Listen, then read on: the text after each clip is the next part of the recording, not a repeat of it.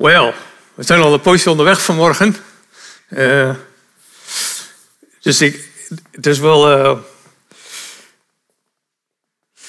gaaf om hier weer te zijn. Maar ja, het is nog niet voorbij. Zeg eens even tegen je buurman of buurvrouw: It ain't over yet. Tik elkaar eens even aan: It ain't over yet.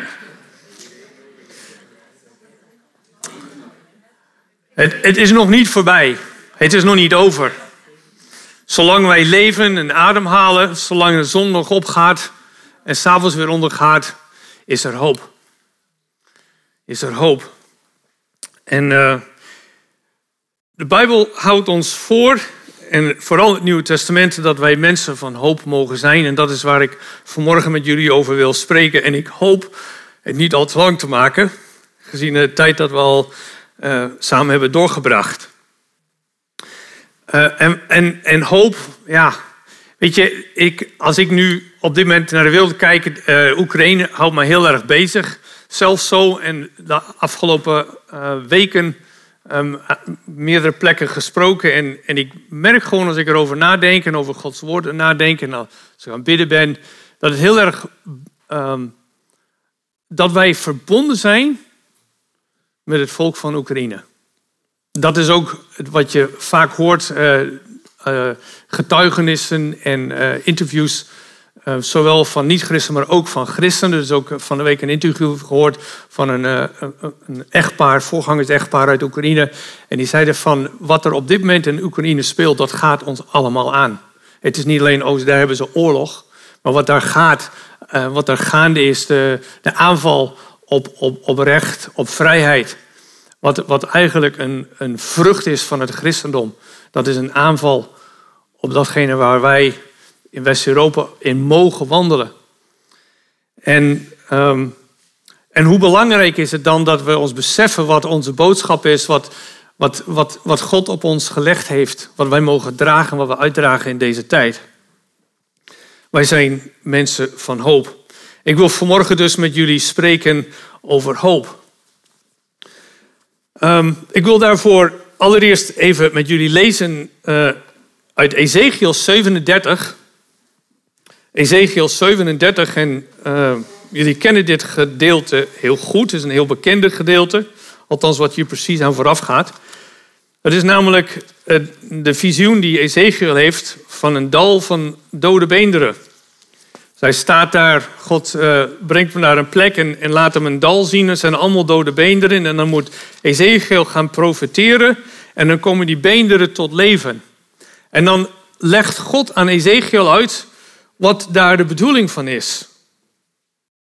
En dan wil ik Ezekiel 37 lezen, de versen 11 tot 14. En hij zei tegen mij, mensenkind, deze beenderen zijn het volk van Israël. En nou het volk zegt, onze botten zijn verdoord en onze hoop is vervlogen en onze levensdraad is afgesneden. Dan kom ik zo meteen even op terug op deze vers. Profeteer daarom en zeg tegen hen, dit zegt God de Heer, mijn volk. Ik zal jullie graven openen ik laat jullie uit je graven komen en ik zal jullie naar het land van Israël terugbrengen. Jullie zijn mijn volk en jullie zullen beseffen dat ik de Heer ben, dat ik de Heer ben als ik je graven open en jullie uit je graven laat komen. Ik zal jullie mijn adem geven, zodat jullie weer tot leven komen. Ik zal jullie terugbrengen naar je land en jullie zullen beseffen dat ik de Heer ben. Wat ik gezegd heb, zal ik doen. Zo spreekt de Heer. Waarom ik dit gedeelte heb gekozen, dat is om twee redenen. De eerste is dat het volk Israël zegt, onze botten zijn verdoord, onze hoop is vervlogen, onze levensdraad is afgesneden. En bijzonder is dat het woord hoop in het Hebreeuws eigenlijk niet te vinden is. Er zijn allerlei woorden die ermee te maken hebben, maar het woord hoop zoals wij die kennen en ook in het Grieks, dat kent het Hebreeuws niet. Dus als je hoop leest in het Hebreeuws, dan, of in, in het Oude Testament, dan zijn er allerlei verschillende woorden die daarvoor gebruikt worden. En de vertalers kijken dan naar de context, de achtergrond en zeggen van, is dit een plek waar je misschien dan het woord hoop zou moeten uh, gebruiken in het Nederlands of in het Engels wel in onze modernere talen. Maar het beeld wat uh, erbij gebruikt wordt, is het beeld wat in dit vers staat, onze levensdraad is afgesneden. Want uh, het woord Hebreeuws wat hier gebruikt wordt, dat is tikwa, dat is een snoer. En ze zeggen ons snoer is afgesneden, dus er is een touw, dat is doorgeknipt. Uh, wij zeggen in het Nederlands, ik ben aan het eind van mijn Latijn. In het Engels zeggen ze dan, I'm at the end of my rope. Dat betekent dat je dus geen mogelijkheden, geen kansen, je bent uitgepraat, je weet het even niet meer. I'm at the end of my rope. Dat is wat ze hier in, in Israël zeggen. We're at the end of our rope. Het is over en voorbij en er is geen uitkomst meer. En juist in die situatie zegt God niet alleen ik ga wat aan jullie situatie doen, maar het doel daarvan is, en daar, dat, dat hoop ik dat jullie dat vandaag mee zullen nemen uit, uit wat ik wil vertellen. Het doel van dat God in hun situatie een omkeer brengt, is niet dat hun omstandigheden beter worden, maar dat zij besef hebben, ik ben de Heer. Twee keer staat het er, dat jullie zullen beseffen dat ik de Heer ben en dat ik jullie God ben. Dus dit is een gedeelte uit het Oude Testament waarin het beeld hoop op twee verschillende manieren heel duidelijk naar voren wordt gebracht. Nu wil ik met jullie naar een andere gedeelte in het Nieuwe Testament, Hebreeën hoofdstuk 6.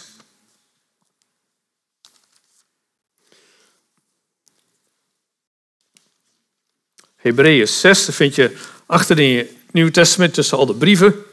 En we gaan lezen de vers 9 tot 20. Als je het woord hoop gaat zoeken, dan vind je die heel vaak terug.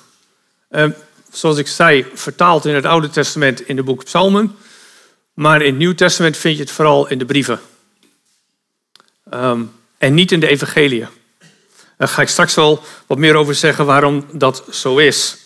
Dus als je op zoek wil, wat is hoop? Hoe moet ik er tegenaan kijken? Moet je vooral in de briefje van het Nieuwe Testament zijn. Oh, ik zit hier in handelingen. Wat heb je als je je bril uit doet terwijl je aan bladeren bent? Dat komt niet goed. Hebreeën, uh, wat zei ik nou? Hebreeën 6, vers 9 tot 20.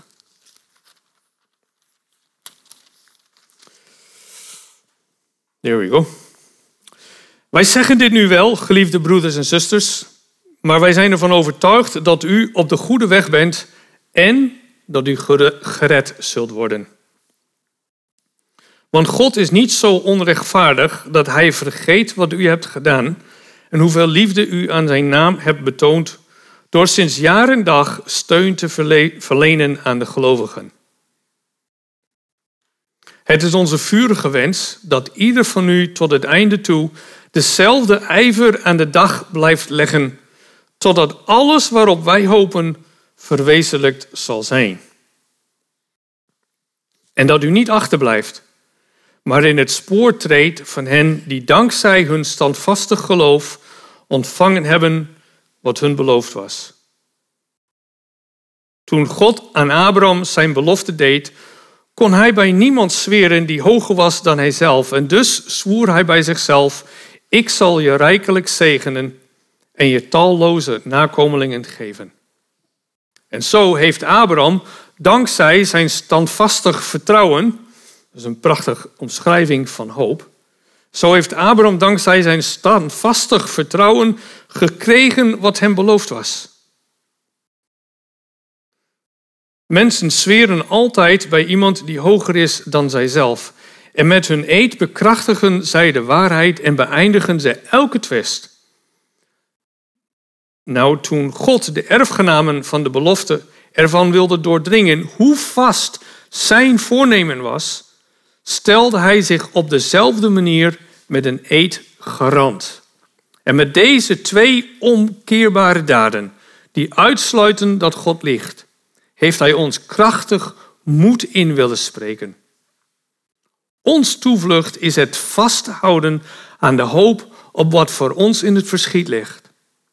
En die hoop is als een betrouwbaar en zeker anker voor onze ziel en gaat ons voor tot voorbij het voorhangsel waar Jezus als voorloper alles binnengegaan ten behoeve van ons.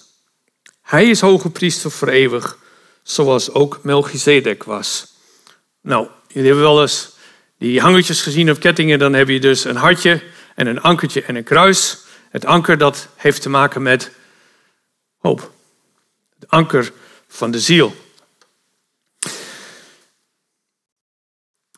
Ik ben uh, op dit moment een boek aan het lezen van uh, Ed Catmull. Dat is de directeur van Pixar Studios. Die films heeft uitgebracht zoals Toy Story en Up. Um, dat zijn gewoon klassiekers, die moet je gezien hebben. Dat is nog belangrijker dan Sound of Music voor uh, de jongeren onder ons. Er zit best wel verhaal in.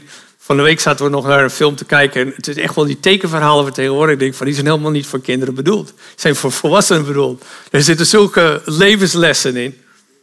Maar hij schrijft in zijn boek, dat heet Creativity.inc. Als je uh, op zoek bent naar een, een, een, boek over hoe kan je een cultuur in een bedrijf veranderen. Of je nou leidinggevende bent of gewoon medewerker. Ik zou willen adviseren, lees het boek. En hij beschrijft hoe belangrijk het is om een cultuur te creëren binnen het bedrijf waarin creativiteit de ruimte krijgt. En een van de dingen, ergens in, voorbij het midden van het boek, gaat hij het uh, hebben over uh, de onzekerheid waar je mee te maken hebt. Namelijk, dingen kunnen zomaar gebeuren, dingen die jij niet kan voorzien. Hij zegt, wij, wij leven in, in, in een wereld waarin we van alles nog wat uh, kunnen plannen en we kunnen regels en protocollen uitschrijven en die hebben wij nodig, want het geeft structuur. Dat helpt ons om een beetje onze dag een beetje te plannen. Maar wij, waar we vooral rekening mee moeten houden, is dat het leven zelf zich niet aan die protocollen houdt. Maar het leven doet dit. En, en, en zoals ze in Engels zeggen, het throws curveballs at you. Dus van die hoek, van die, van die draaiende ballen die ze in de honkbal kunnen gooien. En dan zie je zo'n bal niet recht op je afkomen. En dan denk je, je gaat daarheen en dan komt hij ineens terug. Een curveball.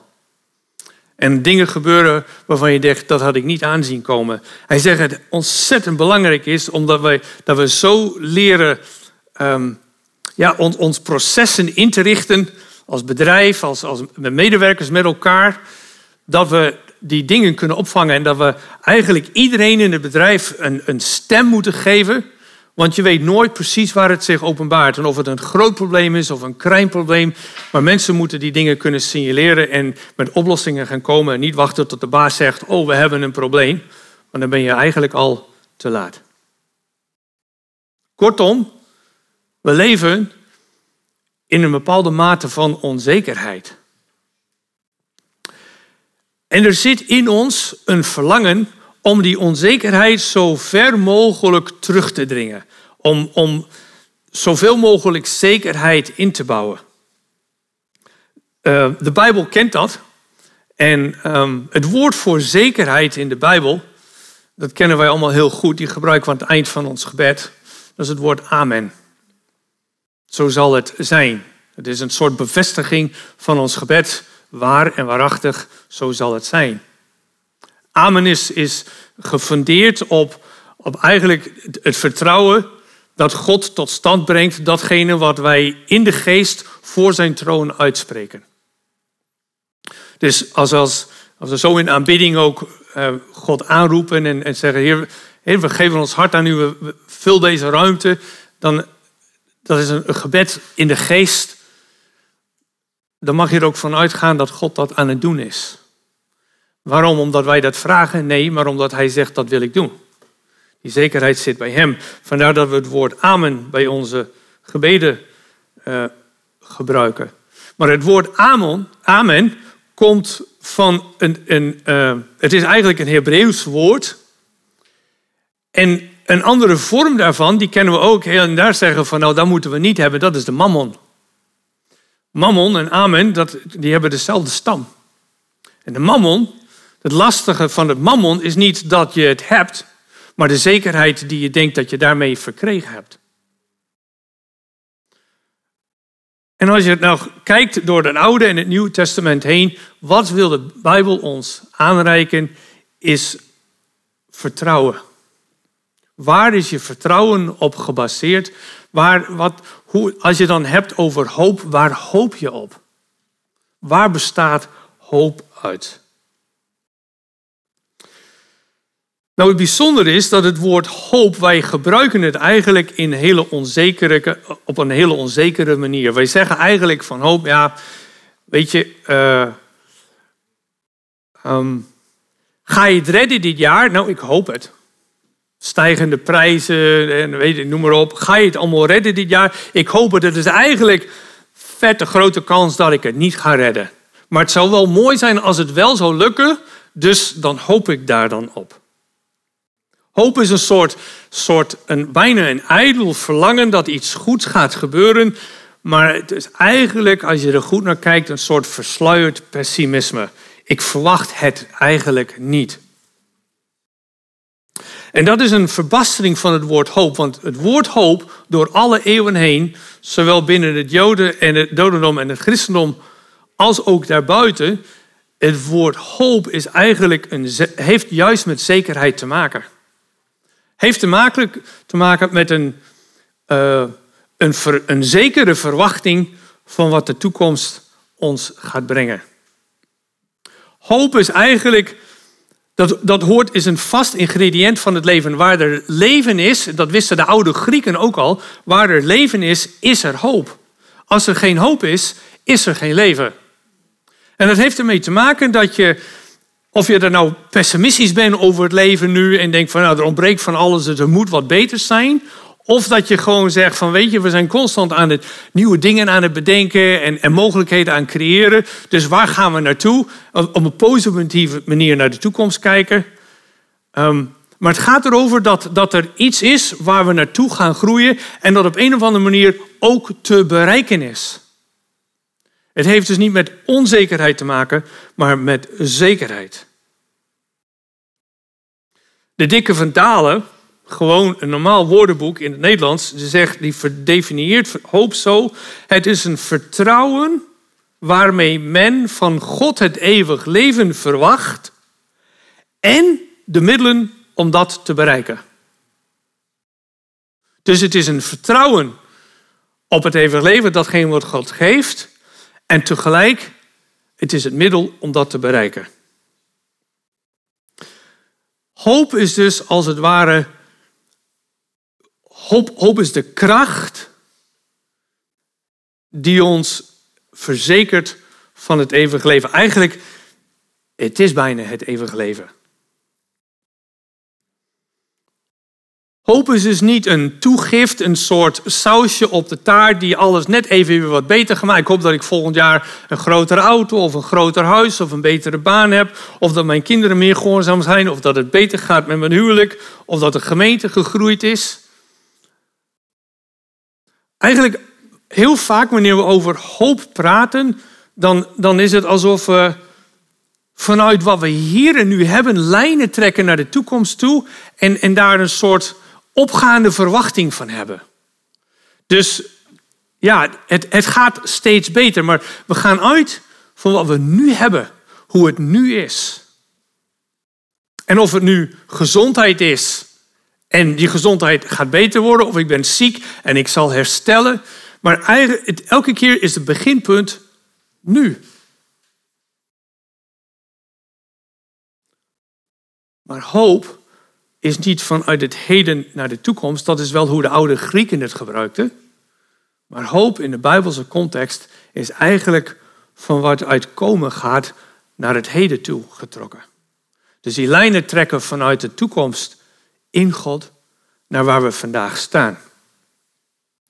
Dat wordt heel duidelijk als je die, die drie uh, naast elkaar zet, wat Paulus noemt in 1 Corinthians 13.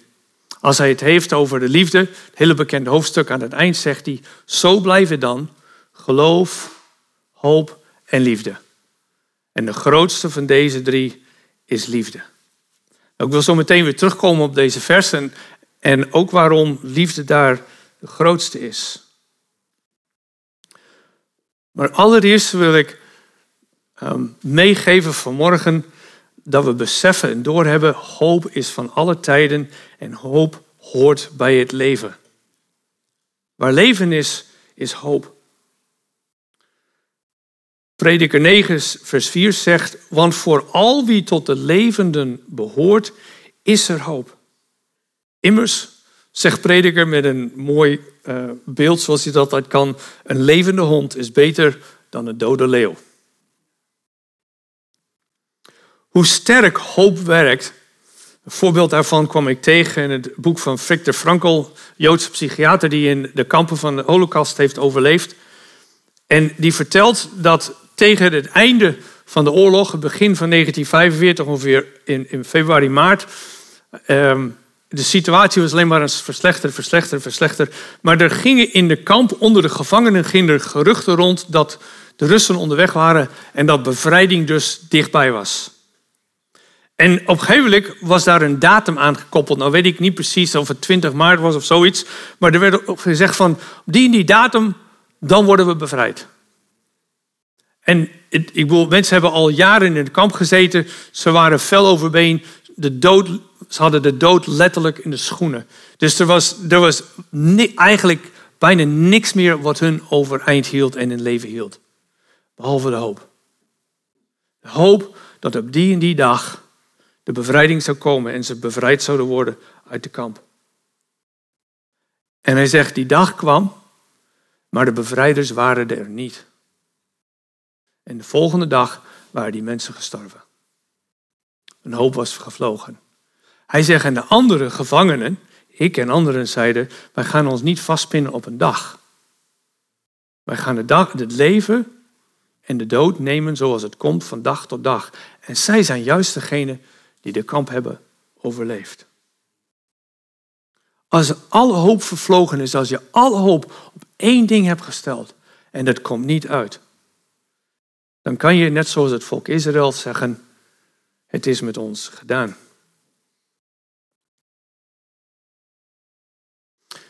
Hoop is dus ontzettend belangrijk, hoort bij het leven. En hoop is dus op de toekomst gericht. Wat betekent dat als we zo vanmorgen met elkaar naar hoop kijken in de context van het Oude en het Nieuwe Testament? De context van Gods woord en hoe Hij op ons leven wil inspreken, juist ook in deze tijd. Paulus heeft het in 1 Corinthians 13 over de liefde en hij zegt dan aan het eind, zo blijven dan geloof, hoop en liefde. En de grootste van deze is de liefde. En als je dan over het woord hoop denkt, dan denk je gelijk ook aan, het, aan Hebreeën 11, vers 1. Geloof nu is de zekerheid van de dingen die men hoopt. En het bewijs van de dingen die men niet ziet. Ik heb jarenlang met die vers geworsteld en gedacht, wat zegt hij nou? Geloof nu is de zekerheid van de dingen die men hoopt. Nou, ik vertelde al dat het woord hoop eigenlijk niet voorkomt in de evangelie. Dus maar één, één tekst, kom ik zo meteen op terug, waar het wel voorkomt in een soort zijdelings uh, manier. Dat is in Johannes. Maar in de evangelie, Matthäus, Marcus, Lucas, Johannes, wat vertelt over Jezus Christus, zijn tijd op aarde, zijn bediening, zijn weg naar het kruis, Palmzondag, Goede Vrijdag, het hele verhaal. Daar kom je het woord hoop niet tegen. Waar je het woord hoop eigenlijk ook niet tegenkomt, dat is in de Torah. Genesis, Exodus, Leviticus, Numeri, uh, Deuteronomium. Dat is dus eigenlijk, dat zijn de evangeliën van het Oude Testament, waarin het, de geschiedenis van het volk Israël als het ware, de basis daarvan wordt uitgetekend. Wat je daar wel tegenkomt, een heel belangrijke tekst, dat is het woord geloof staat in Genesis 15, toen God aan Abraham beloofde dat hij zijn, zijn nageslacht zou zijn als het zand ter zee, dat Abraham de Heer geloofde en het werd hem gerekend tot gerechtigheid. Abraham, die zag iets in wat God aan het doen was en daar hechtte hij zijn vertrouwen aan. En dat, dat, werd zijn, dat is zijn geloof. Geloof heeft dus te maken met datgene wat God aan het doen is. God is ergens mee bezig. En dat, dat als, je, als je in het Nieuwe Testament kijkt van wanneer wordt geloof uh, gebruikt, dan is dat, dat heeft het te maken met de beleidenis. Jezus vraagt op een gegeven moment aan zijn discipelen, wie zeggen jullie dat ik ben? En dan zegt Petrus, u bent de Christus, de Zoon van de levende God. U bent de Messias, u bent de redder. En die beleidenis, zegt, Jezus. Dat beleidenis dat vormt dus de fundament van de kerk. De rots waar, waar de kerk op gebouwd is.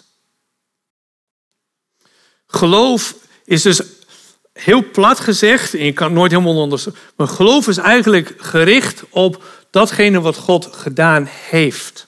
Wat al tot stand is gebracht. Wij geloven dat God de wereld tot stand heeft gebracht door zijn woord. Wij geloven dat God Abraham geroepen heeft en een belofte heeft gegeven om door hem alle volkeren van de aarde te zegenen. Wij geloven dat God het volk Israël uit Egypte geleid heeft door de Rode Zee, door de woestijn, zijn woord en zijn wet heeft toevertrouwd. Wij geloven dat, dat als God aan, aan David zegt, uit jouw nageslacht zal er een koning komen. En die zal over het volk Israël heersen, maar die zal ook in alle eeuwigheid koning zijn. En hij zal koning van de vrede zijn en koning van gerechtigheid. En, en in zijn hand zal een ijzeren staf zijn waarmee hij alle volkeren van de aarde zal heersen. Psalm 2 en Psalm 110.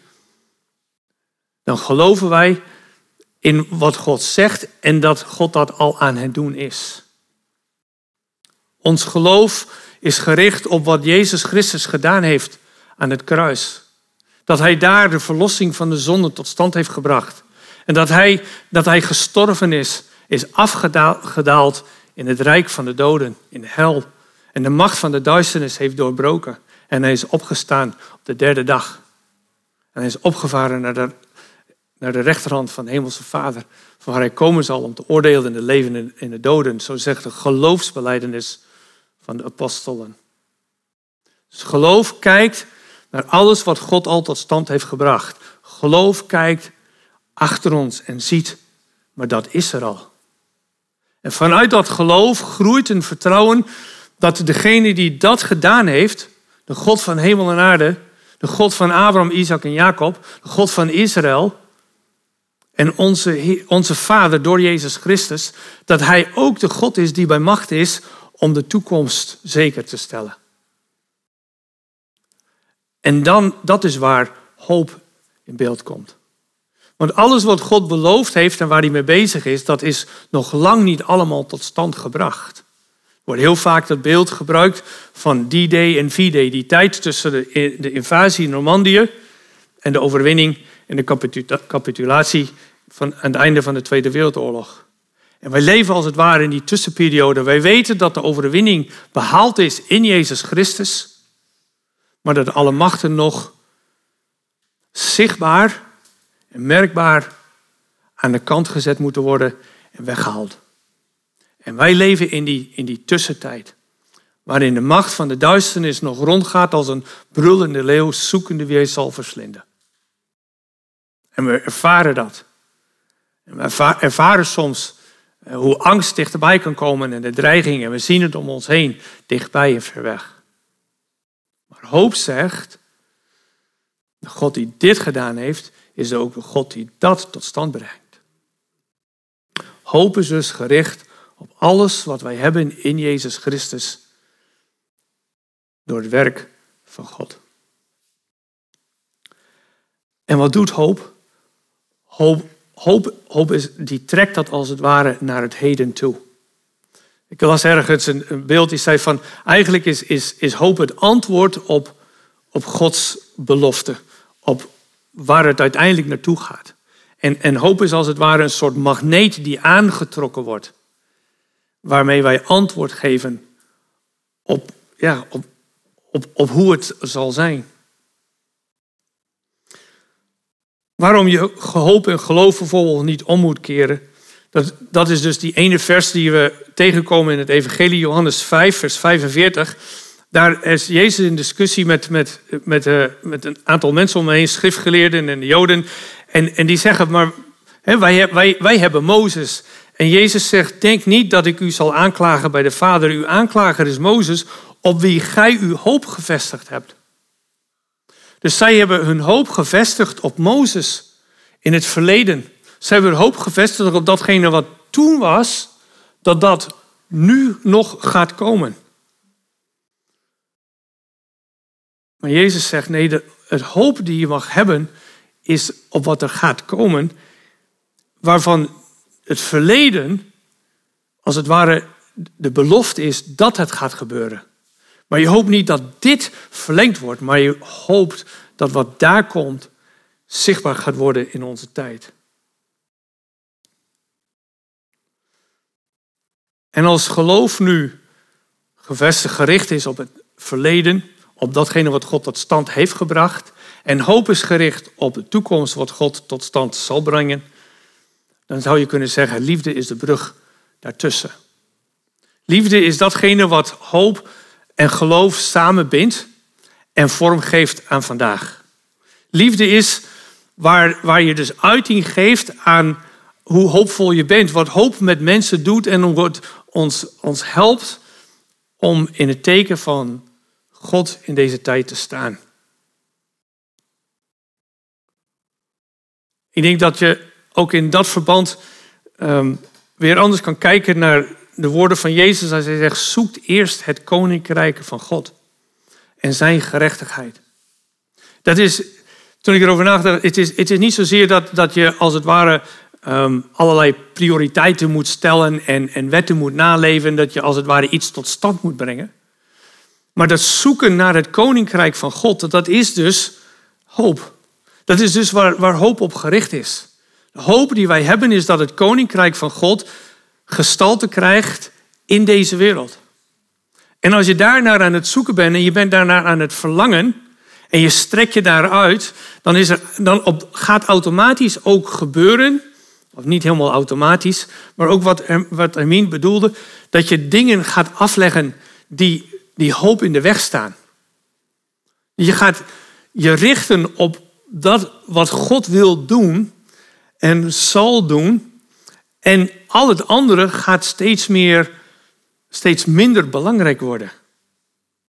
En naarmate dat je daar dichterbij komt, dat dat koninkrijk van God als zoekende steeds meer in beeld komt in je leven, dan zal al het andere op zijn plek vallen. Al het andere daar zal in voorzien worden. Maar het allerbelangrijkste daarin is niet zozeer dat onze omstandigheden nogmaals veranderd worden, maar dat wij veranderd worden. Dat wij mensen van hoop worden. Een voorbeeld uit mijn eigen leven, hoe, dat, hoe ik dat recentelijk heb ervaren. Ik heb, um, ik heb wel eens verteld hier dat ik heel vaak in mijn leven dingen heb los moeten laten. Waarvan ik dacht van, oh, nog even wat harder proberen. Nog even zo proberen, zus proberen. En, en uiteindelijk moest ik het loslaten, opgeven.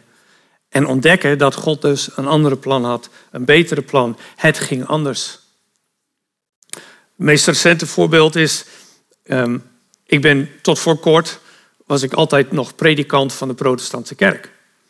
Terwijl ik, ik was lid van onze gemeente uh, in Uithuizen-Meden. Terwijl ik ook verbonden ben met de gemeente Loppersum, waar Nettie en ik samen uh, kerkelijk verbonden zijn. En ik heb die lidmaatschap aangehouden, want ik was nog steeds predikant. En dat in goed overleg ook met de synode in Utrecht. Nou, een aantal jaren gaan voorbij en ik merkte gewoon dat daar ja, in het kader van de protestantse kerk, het evangelisch werk van, dat er verder niks uitkwam. En ik merkte gewoon dat het tijd was om dat los te gaan laten.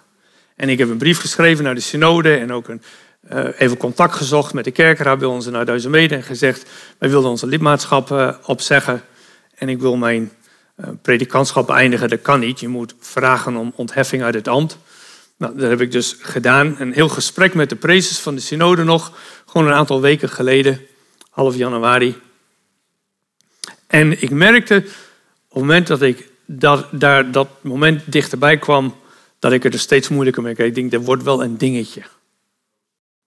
En toen het gebeurd was, toen ik dat gesprek had afgerond, gewoon via uh, FaceTime, toen heb ik een vriend gebeld en hij zei, hoe gaat het nou met je? En ik zeg, het is alsof alles onder mijn voeten weg is. Het was iets waar ik op kon leunen, waar ik um, vertrouwen in had, wat een stukje identiteit gaf, autoriteit. Welkom kinderen, fijn dat jullie er weer zijn. We gaan zo afronden. Het, is, het, het, gaf het, het gaf bodem aan mijn voeten. Het gaf een stukje vertrouwen en het gaf mij een soort recht van spreken, meende ik. En nu keek ik En er was gewoon een gat onder mijn voeten. Nou heb ik, doordat ik vaker dingen heb los moeten laten, dat vaker gehad. Dat ik dacht van, en toen vond ik het best wel eng. Als ik dit doe, dan, wat is er dan nog? En nu wist ik, ik kan dit doen en ik zat rustig naar dat gat onder mijn voeten te kijken en ik denk, maar het komt goed. Waarom? Omdat God er is. Psalm 139 zegt al, al neem ik de, de vleugels van de dageraad en ik ga wonen in de uiterste van de zee. Nog, zelfs daar, zal uw hand mij leiden en uw rechterhand mij vasthouden. En als ik alles heb gehad en het is nacht geweest en ik word ochtends wakker, nog steeds ben ik bij u. Onze hoop heeft ermee te maken dat we steeds meer en meer en meer en meer ontdekken. Dat uiteindelijk, waar we ook zijn en wat er ook gebeurt, God is altijd daar. God zal er altijd zijn.